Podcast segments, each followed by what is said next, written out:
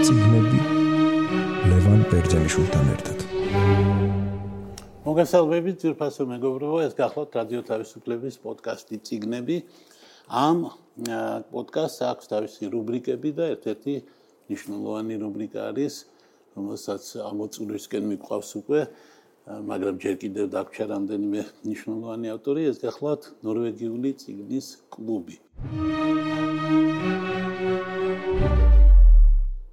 მოგხსენებათ ნორვეგიულმა ციგნმა ციგნის კლუბმა 2002 წელს სოფლიოს 66 ქვეყნიდან 100 მწერალი მიიწვია რომ განესაზღვრათ სოფლიოს ყველა დროის საუკეთესო ნაწარმოებები და შეიძლება ითქვას, რომ ერთ-ერთი ყველაზე უფრო გამორჩეული და ჩემპიონი ავტორი იმის მიხედვით თუ ვიანგარიშებთ ერთ სულ მოსახლეზე ვის რამდენი ნობელის პრემია აქვს, რომელ ქვეყანას თუ აქ ჩემპიონი აშკარად არის ისლანდია, იმიტომ რომ მას 9 მილიონი მოსახლეობაც არ ყავს და ყავს მთელი ერთი ნობელის პრემიის ლაურეატი ჰალდორ ლაქსნესი. ჰალდორ ლაქსნესი ძალიან უცნაური ფიგურაა უდიდესი მწერალი გახლავთ, უცნაური ფიგურა იმ თვალსაზრისით, რომ ამ კაცმა მოასწრო ყოფილიყო გზნებარე პროტესტანტი. შემდეგ ყოფილიყო ასევე გზნებარე კათოლიკე. ეცხოვრა სოფლიოს ბევრ ქვეყანაში, მათ შორის გერმანიაში, ავსტრიაში, საფრანგეთში, კანადაში, ამერიკის შეერთებულ შტატებში. იმოგზაურა საბჭოთა კავშირში. აქვს დაწერილი ორი წიგნი საბჭოთა კავშირზე. იყო კეთილგანწყობილი ამ საშინელი ქვეყნის მიმართ. მოახერხა და კათოლიციზმიდან პირდაპირ გადავიდა სოციალიზმში. მაგრამ როგორც დიდი ადამიანების უმეტესობა შვებია სოციალიზმში ძალიან დიდ ხანსაც არ გაჩერებულა. მეორე მსოფლიო ომის შემდეგ როცა კარგად გაირკვა რა ხდება საბჭოთა კავშირში უარი თქვა სოციალიზმზე და რაც თავია მთელი ამ ხნის განმავლობაში ის წერდა, წერდა ბავშვობიდანვე წერდა და იყო აბსოლუტურად გამორჩეული მწერალი. სოფლიოში მას არ ყავს მეგობარი მწერალი. ხანდახან მის წიგნს, რომელზეც დღეს ვილაპარაკებთ, კნუტ ხამსუნს ადარებენ, მაგრამ ეს უსამართლო შედარება. ორივე დიდი მწერალია, ორივეს თავისი ადგილი აქვს. კნუტ ხამსუნი თავისი აშკარად, კარგად, კვეთრად გამოხატული მემარჯვენე წარმოდგენებით არის ადამიანის მხარეს ერთი კონკრეტული ადამიანის ხარეს, ხოლო რაც შეეხება ხალდურ ლაქსნეს, ის ყოველთვის უყურებს სხვა ადამიანებსაც. მიუხედავად იმისა, რომ ეს ციგნი, რომელზეც ჩვენ უნდა ვილაპარაკოთ, დამოუკიდებელი ხალხი, ასე ქვია ციგს, რომლისთვისაც მას კაცმა რომ თქვას ნობელის პრემია მიენიჭა, თუმცა სხვა სხვაც ქონდა უკვე დაწერილი და იქ ხაზგასმული არ ყოფილა რომელიმესთვის სპეციალურად მიენიჭა. ნობელის პრემიის მინიჭების შემდეგაც ჩვენი ციგნებს წერდა, მაგრამ თავარი მის შემოქმედებაში, როგორც ძალიან კარგად გაუსვეს ხაზი დაანჩენმა მწერლებმა, აღმოჩნდა სწორედ ეს ორტომეული ციგნი, ციგნი, რომელშიც მან გამოავლინა თავისი უზარმაზარი ცოდნა საკუთრივ ისლანდიური სამყაროსი ისლანდიური საგების, რომელიც უფრო ადრე იცოდა ვიდრე წერა-კითხვა, იმიტომ დედა ასწავლიდა და ბებია ასწავლიდა. ამას ეს არის კაცი, რომელიც 1902 წელს დაიბადა და 1999 წელს გარდაიცვალა, ანუ მე-20 საუკუნის თანამედროვე იყო ამ სიტყვის პირდაპირ ნიშნობით დაიბადა დასაწყისში გარდაიცვალა დასასრულში.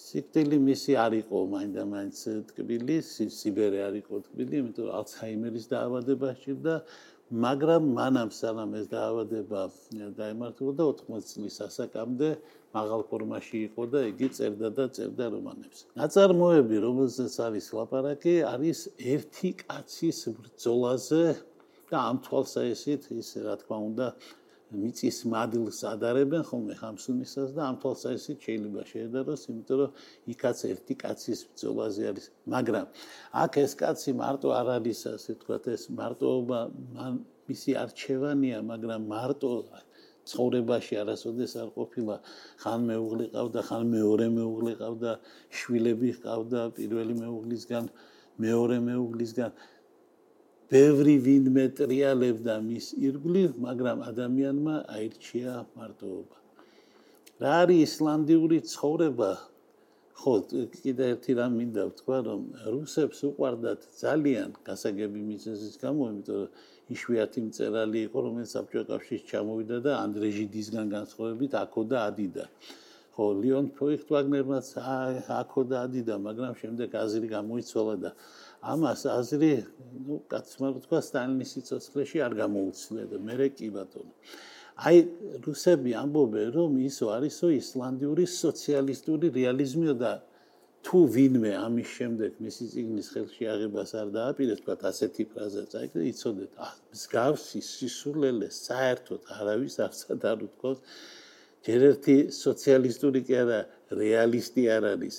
მისი ქალიშვილი სხვა შორის არის ძალიან ცნობილი კინორეჟისორი და მუშაობს მაგიური რეალიზმის სფეროში. რაც შეეხება რეალიზმს სოციალისტური რეალიზმი აქ რა თქმა უნდა არ არის და ნატო უნდა ყოფილიყო ცოტა გაუგებარია შეიძლება ვიღაცას გონია რომ ეს რაღაცა კარგი ნიშანი არის და არსებობს თუნდაც ერთი ნაწარმოები მსოფლიოში რომელიც ამ სოციალისტური რეალიზმი დაიწერა და ნობელის პრემიას დაიმსახურებს. არა მეგობრებო თვითის ნაწარმოებიც კი რომელზეც შეიძლება ყოფილიყო საუბარი ეს არის ასე ვთქვათ შოლოხოვის წყნარი დონი ნამდვილად არ მიეკუთვნება სოციალისტური რეალიზმის სფეროს.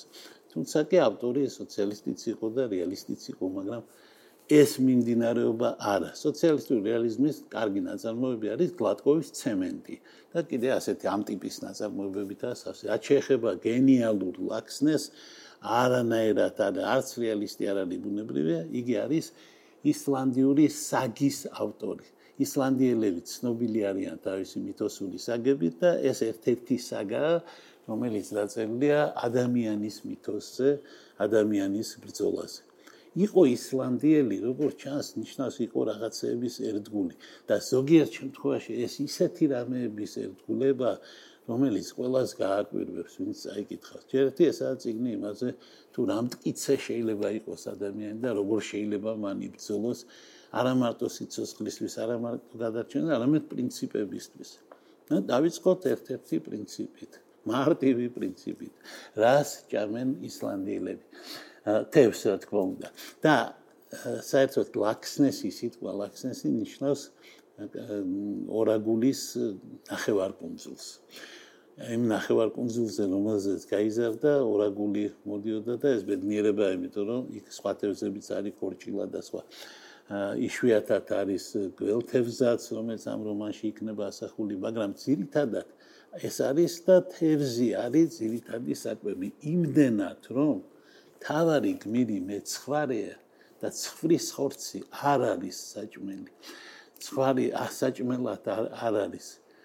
ძროხა და ძეც კი არ არის სასურველი.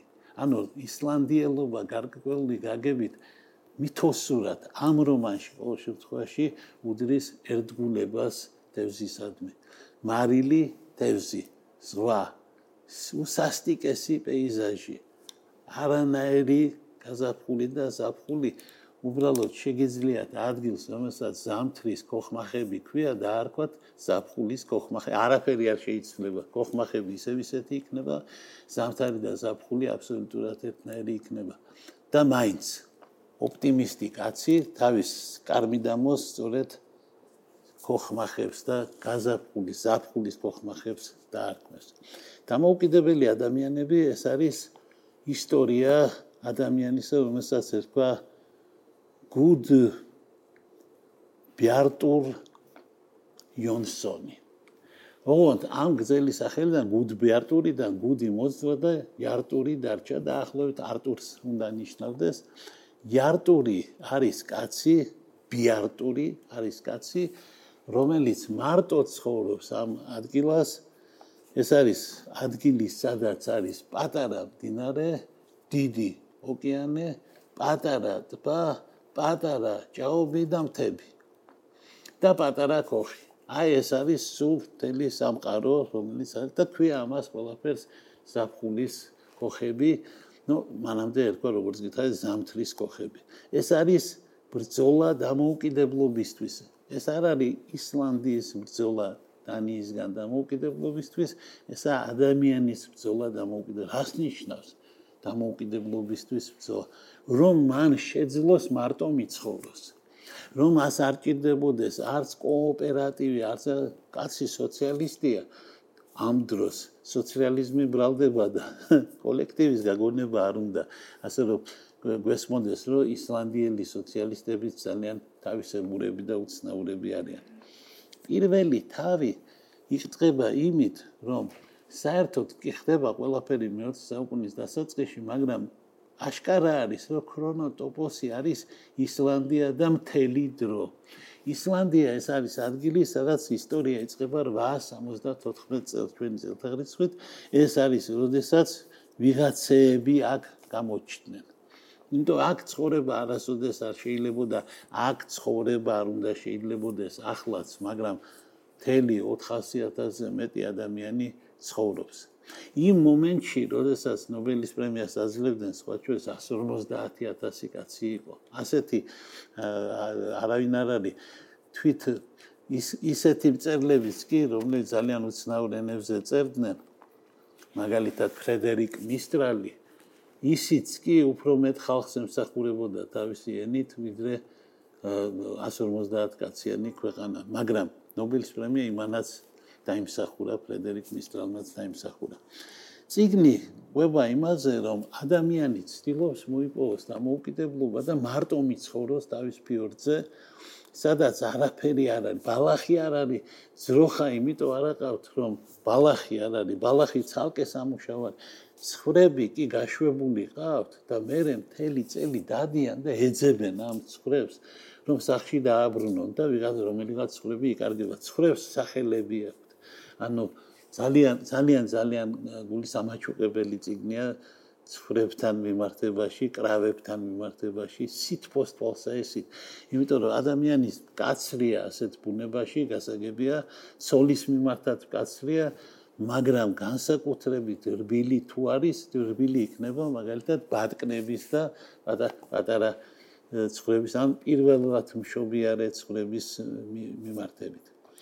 ციგნი გვიყვება ისტორიას, როგორ გაიზარდა ეს ბიარტური, როგორ ჩამოყალიბდა ადამიანად, როგორ ჩამოყალიბდა მეცხვარეთ. ეს ერთ-ერთი რთული პროფესია გახლავთ ისლანდიაში. ძირითადად მებადურები არიან. მაგრამ ამ კაცმა ასე თქვათ მებადურობა შეითავსა, ბუნებრივია, თევს ყველა იჭერს და ესეთი ისლანდიელი არ არსებობს რომ მეთევზე არ იყოს, მაგრამ 18 წელი იმუშავა მანამ სანამ დამოუკიდებელი გახდებოდა 18 წელი იმუშავა მეცხვარეთ სხვასთან. ანუ ის იყო დაქირავებული მუშა და მუდმივად ისე იგი ასე დარჩებოდა რომ არ მოეხსნათ გადასახადი. მიწაზე გადასახადი ისეთი მაღალი იყო რომ მიწა არავის არ ქონდა. ძალიან დიდარ ადამიანებს ქონდა და იმათ ყავდათ მეცხვარეებიც და თქვენ წარმოიდგინეთ მეღორეებიც და მეჯოგეებიც და ასე შემდეგ, მაგრამ წემსები, მაგრამ რაღაც მომენტში ისლანდიის მთავრობამ მიაღწია იმას, რომ მიწაზე დროები გადასახადი მოხსნა, რამაც გააჩინა ახალი გლეხობა. ოღონდ როგორც წესი, კოოპერატივებში გაერთიანდნენ, იმიტომ რომ ყველა შეშინოდა მარტოობის და ბიარტური იყო კაცი, რომელსაც მარტოობის არეშინო და პირიქით, რომელიც ფიქრობდა, რომ უნდა იყოს დამოუკიდებელი. არავისზე არ უნდა იყოს დამოუკიდებელი. რას ნიშნავს ეს? ისე იგი, პულსაც კი არ ყიდულობს. არაფერი, ყველაფერი თავისი აქვს. პური არ აქვს საერთოდ და დიდი პრობლემა არა. ერთადერთი რაც აქვს სოფლიო ცივილიზაციიდან ეს არის ყავა. მარტალი გითხრათ მე კარგად არ ვიცოდი სანამ ამ ავტორს არ გავიცნობდი რომ ყავა ასეთი მნიშვნელოვანი კომპონენტი არის ამ ტიპის მეურნეობაში და ცხოვრებაში. მე ვფიქრობდი რომ ჩაი იქნებოდა იმიტომ რომ რუსეთის ჭtildeოეთში ნამყოფი ვარ და იქ ჩაის დიდი კულტი არის და ფაქტობრივად შეფირს ვამენ ეგრეთ წოდებულს რომელსაც ზონაში კარგად გავეცანით მეც და სხვაებიც და მე ძალიან ვერიდებოდი ყოველთვის ვიცი რომ ძალიან ძიმე რამ გახლავთ. და იქ ძირითადად ამით იღებდნენ კოფენის და ირკვევა რომ ისლანდიაში ეს ყოფილა ყავა რაც შეიძლება მუქი. საერთოდ ისე იგი ერთ-ერთ მომენტს ვიტყვი რომ გასვენებაში მთავარი პროდუქტი ან კელეხის მთავარი პროდუქტი არის ღვეზელი და ყავა. არავით არის ალკოჰოლი და არავითარი რამე სხვა საჭმელი უბრალოდ არ არსებობს დასასმელები და მხოლოდ ყავა. ყოველ შემთხვევაში ღარიბი კაცის კელეხი არის აქცელი აქ და აქ ეს კომპონენტებია მხოლოდ ნახსენები. ისე იგი საერთოდ არ იყო ისლანდიაში მეურნეობა 1000 წლის განმავლობაში სამაგეროთ 1000 წლის წინ იყო პარლამენტი. აა აუცნაური არის რომ თავიდანვე დემოკრატიულ საწყისებზე აიგო ეს ქვეყანა, რომელიც ახლაც ერთ-ერთი გამორჩეული ქვეყანა ამ თვალსაზრისით. სხვათა შორის, სწორედ 1930 წელს, როდესაც 1000 წელი შეუსრულდა პარლამენტს, დაბრუნდა შინ ამ კონკრეტულ შემთხვევაში კანადიდან დაბრუნდა წერალი ხალდორ ლაქსნესი. ლაქსნესი, როგორც გითხარით, მისი ფსევდონიმია იმიტომ რომ ეს აიღო ასე ვთქვათ იმ ადგილიდან სადაც ცხოვრობდა და ამ რომანში წარმოადგენა კაცის ცხოვრება რომელიც მიდის მარტოობით და რაღაც მომენტში მის ცხოვრებაში ჩნდება მეორე ადამიანი. მას ძალიან უხაროდა, როდესაც ცოლი მოიყვანა, ცოლს ერქვა როზა, პატარა გოგონა იყო, მოიყვანა ცოლად, მაგრამ პირველივე ღამე აღმოჩნდა მისთვის ძალიან ტრაგიკული. საქმე ის არის, რომ მას აქვს წარმოქმნა, როგორც როგორც ჩანს ისლანდიელების უმეტესობას, წარმოქმნა აქვს ქალზე, რომ ქალი უნდა იყოს აუცილებლად სუფთა, უნდა იყოს ქალწული. და რა თქმა უნდა, ქალი რომელიც თხოვდება, არ უნდა იყოს სხვა კაცთან ნამყოფი. ასეთი იყო მისი წარმოქმნა, სანამ არ აღმოაჩინა, რომ მისი ცოლი ორსულათაა და არა მისგან. და დაიწყებს გამოკვლევას. და მიაღწევს, მიაღწევს, გაარკვევს, ვისგან არის გაარკვევს. უნდა რომ გაისტუმროს, ასე თქვათ, მაგრამ შეეცოდება. შეეცოდება და დაიტოვებს. დაიტოვებს და მას ხშირად უწევს ხო ისედაც აცხოვრება აქვს როზას. არ არის ისლანდიელი ქალის ცხოვრება, როგორც ჩანს ძალიან მაინდა-მაინც შესაშური, იმიტომ რომ ქმარი სახში არ არის წოდეს არ არის ხოლმე 3 დღით, 5 დღით, 2 კვირით, აუცილებლად გადის, ხო გითხარით, წვრები გაშვებულია სადღაც ტყე ღრეში და უნდა ყველა მოიპოვოს, მონახოს და დააბრუნოს. და როგორც წესი, ქალმა რომ მარტო არ იგზნოს თავი, სწორედ ხვარს უტოვებს ხოლმე, იმიტომ ძაღლს ვერ დაუტოვებს, ძაღლი მას თვითონ ჭირდება ამ ძებნაში, ასე ვთქვათ, ძაღლის ფუნქცია შეუცვლელია, ამიტომ ხვარს დაუტოვებს და ერთხელ როდესაც ხვარ ხო და სულ არის ლაპარაკი რომ ეს მდიდარი ოჯახიდანა ეს გოგო და ისინი კვირაში ორჯერ ხორცს ჭამდნენ და ისინი რძეს სვამდნენ და ის და აქ შეესაბამეს რომ ხორცი არ იქნება ასკვირაში ორჯერ წელიწადში ერთხელ და რაც თორე რძე არ იქნება იმიტომ რომ ხარ არის არის რა მარტო თევზი. პურიც არა არის თევზი დამარილებული თევზი. დამარილებაში დიდოსტატები არიან. ერთი შემთხვევა არ არის ისლანდიაში ცნობილი რომ ვინმე თევზი გაუფუჭდა რაღაც ასეთი რა მოხდა. ეს მე ისლანდიელი მეგობრისგან ვიცი რომელიც ნორვეგიაში გავიცანი და რომელსაც მითხრა ნორვეგიელები ჩვენთან შედარებით ზარმაცები არიან და ეს ვერაფრით ვერ დავიჯერე იმიტომ რომ ნორვეგიელები შრომა მინახავს და წარმომიდგენია რა ხდება იქ ისლანდიაში. ერთ სიტყვით, როდესაც სოლი მოიყვანა, ხვარი დაუტოვა. და აი ამ ქალს, როგორც ჩანს ისე იგი ორსულობის პრობლემებთან ერთად რაღაცა ტიპის აშლილობა დაემართა და ვერაფრით ვერ გაუძლო ამ ცხვრეს ცდუნებას. და ეს ხვარი მის მაგერად გულში ყოლოდა ჩახუტებული და სითბო მიეღო მისგან ეს ხარი დააკლა და შეჭამა და რაც თავარია მისგან ეგრევე გააკეთა ზეხვი ორნაირი ისე იგი და გული მოხარშა ის შეჭამა ეს ეს ყველაფერი ძალიან ნატურალისტურად არის აღწერილი მაგრამ კვალიც კი გააკრო მისი არსებობის ანუ ქმარი სანამ ჩამოვიდა ერთი ცხარი თავიდან ბოლომდე შეჭამა კვალის გაქრობიანად ყველანაირად გააკვალ და ჩაითვალა რომ ეს ხვარი გაიქცა უბრალოდ ტყეში როგორც გარბიან სხვა ცხვრები და არაფერ მშვიდად იყო მისი ქმარი იმიტომ რომ შემდეგ წასვლაზე ახლა ამ ხვარსაც მოიპოვებს მაგრამ რამდენიმე ჯერ გასვლისას და რო ვერ აღმოაჩინა რაღაცა ეჭმა მაინც გაუარა რომ აქ შეიძლება რაღაცა იყოს ანუ შეიძლება შეიჭამა ეს ხვარი მისთვის არ არის ხვარში საქმე. მისთვის საქმე არის პრინციპში. იმიტომ რომ ხვარი ხვებს არ ვჭამთ. ცხოვრებს მომსახურებით. ეს ეს იდეა რომ ჩვენ ჭამთ ისლანდიელები მარტო თევს. ისიც ყველას არა. მაგალითად გველთევზას არ ჭამთ და როდესაც ერთი მთელი გველთევზა შეჭამა როზამ ამან გააოგნას. როზა საერთოდ აოგნებდა იმ თვალსაჩინით რომ როზა საჭმელი სხვა დროს იყო შვრია შვრის papa და გააკეთებდა ამ შვრის papas და თელ თას შეჭამდა და ეს კაცი გაუგნებული იყო როგორ შეიძლება ადამიანმა შეჭამოს შვრის papa საერთოდ და მით უმეტეს შეჭამოს თელი თასი. და მე რო დაინახა რომ მეორე თასით შეჭამა. ეთყობა კარგად არისო დაკვირვებული იმიტომ რომ სულკალებს ორი თასის შეჭმა და ბევრი რამ შეუძლიათ საერთოდ მაგრამ ეს გამოუცდელი კაცი იყო. ამ კონკრეტულ შემთხვევაში ეს მისი პირველი მეუღლე იყო და ერთხელაც რომ დატოვა რომ ჩამოვიდა სახლში დაინახა რომ არსად არაფერი არ ანთია არსად არანაირი სანთელი არ არის. სახლში წვდიადია შევიდა და ძაღლი ყავდა დატოვებული მარტო არ დარჩენილი იყო და დაინახა რომ ქალი მკვდარია მაგრამ ძაღლს ჩახუტებული ყავს პატარა ბავშვი და ძაღლი თავისი სიტყვით ცდილობს ბავშვს სიცოცხლე შეუნარჩუნოს. ну აქ რა თქმა უნდა იგი სასაფოთ გაიქცა. მოიყვანა ვიღაცა მეზობლის ქალი რომელიც ძალიან შორიდან უნდა მოიყვანა იმიტომ ახლო ახლოს არ ცხოვრობენ და ჩვენნაირი მეზობლობა მათთვის ალბათ წარმოუდგენელიც აი იმიტომ მეზობლების სახელები არიციან როგორც წესი მოიყვანა და იმ ქალმა შეძლო ბავშვი თითქმის მდუღარეში ამყოფა კარგა ხნის განმავლობაში სანამ ხმა არ მოაღებინა მოკლედ და ბავშვი გადარჩა.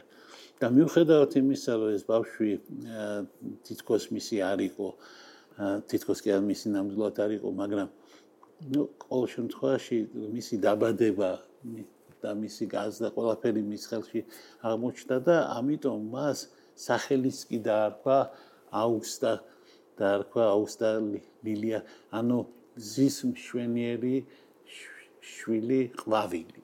აი ესე დაახლოებით ეგეთ სახელი დაარქვა.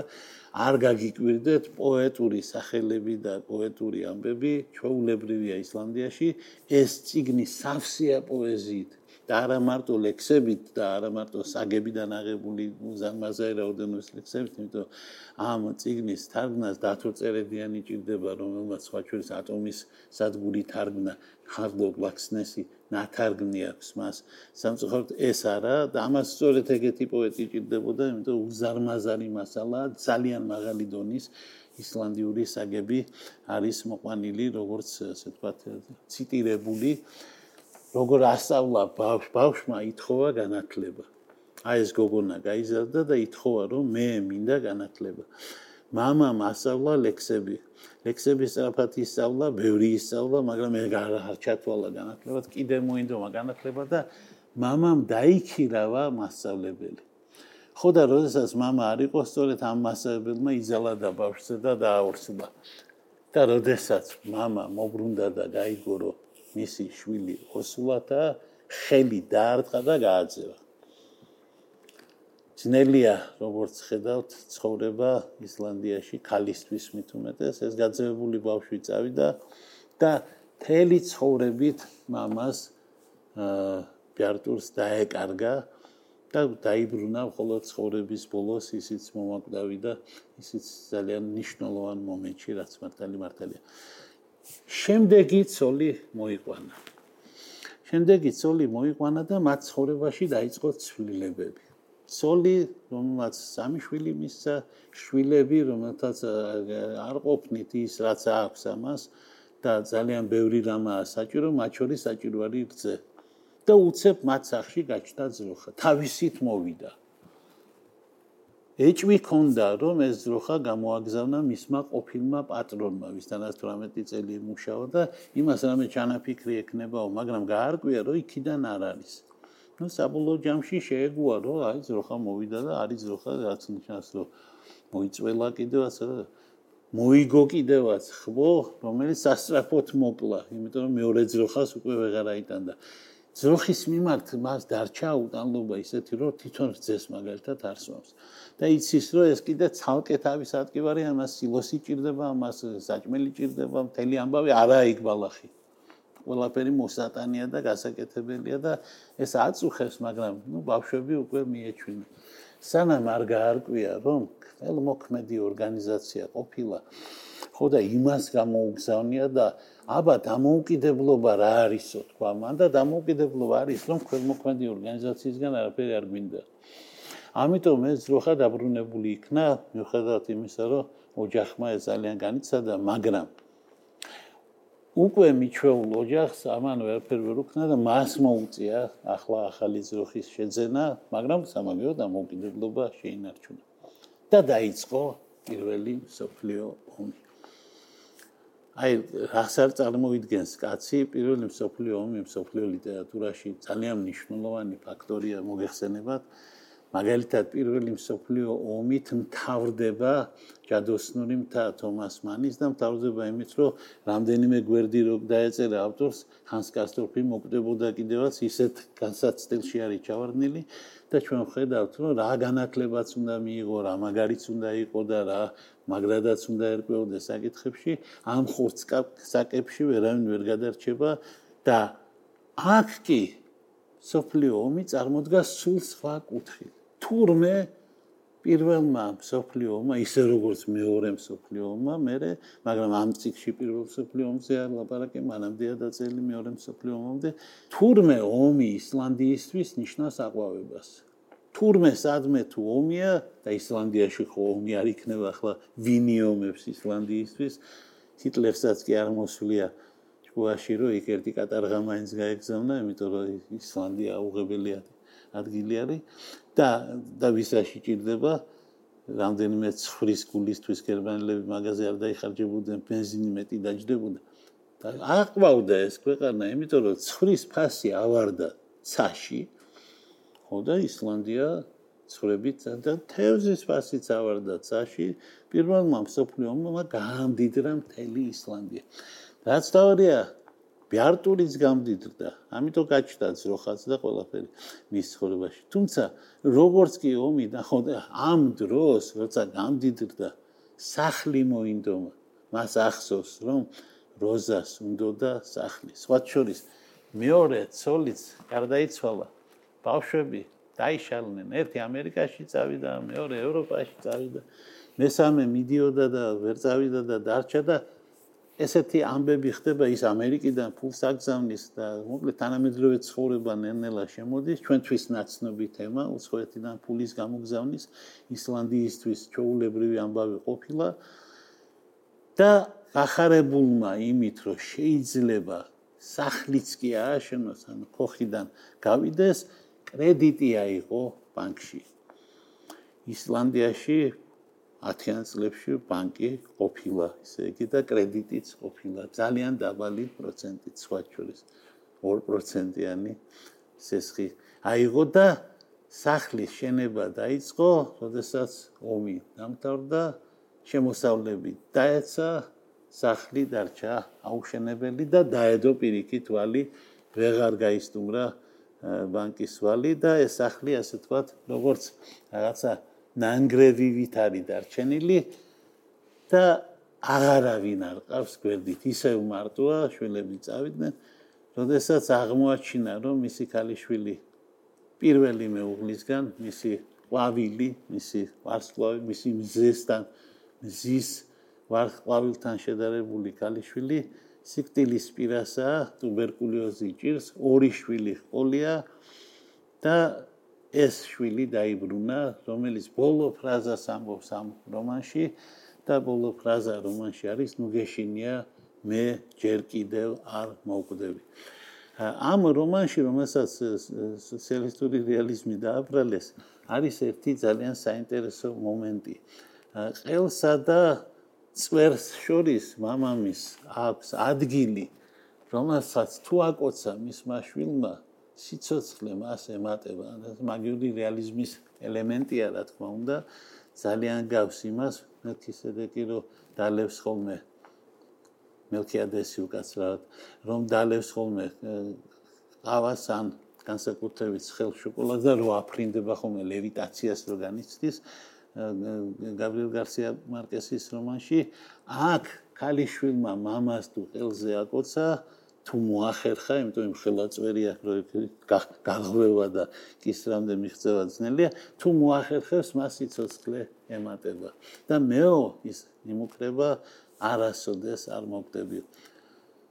მე წუხარ რო არ გვაქვს ეს ციგნი ქართულად, იმიტომ რომ ვაქსნესი გვაქვს, გვაქვს ატომის სადგური ეს ირონიული ციგნი, არ არის ცუდი ციგნი, მაგრამ შედარება არ არის, ახლა სიდიდეს სიდიადეში ვინაიდან ჩვენ გვაქვს ქართულად უბწყინვალესად ნათარგმნი საერთოდ უნდა ვთქვათ რომ როგორ გაგვიმართლა ჩვენ რომ ნორვეგიული დათარგმნა დავიწყეთ იმიტომ რომ ჰამსუნი ქონდა რუსული დათარგმნა და რუსები ამოკლებდნენ ხოლმე რაღაცები შეამოკლებდნენ და ქართველები მე იმ შემოკლებულებს კითხულობდი და რაღაცებს ვერ ხვდებოდი. და ახლა გვაქვს ეს საშუალება და მიწის მადლი გვაქვს შესანიშნავი თარგმანი და აი შეგიძლიათ იცოდეთ რომ ამასთან არის შესაძლებელი ასევე ეს არის გარკვეული დაკვეთა ჩვენს თარგმნელებს ნორვეგიული ციგნის კლუბი ქართულ ენაზე უნდა არსებობდეს სრულად.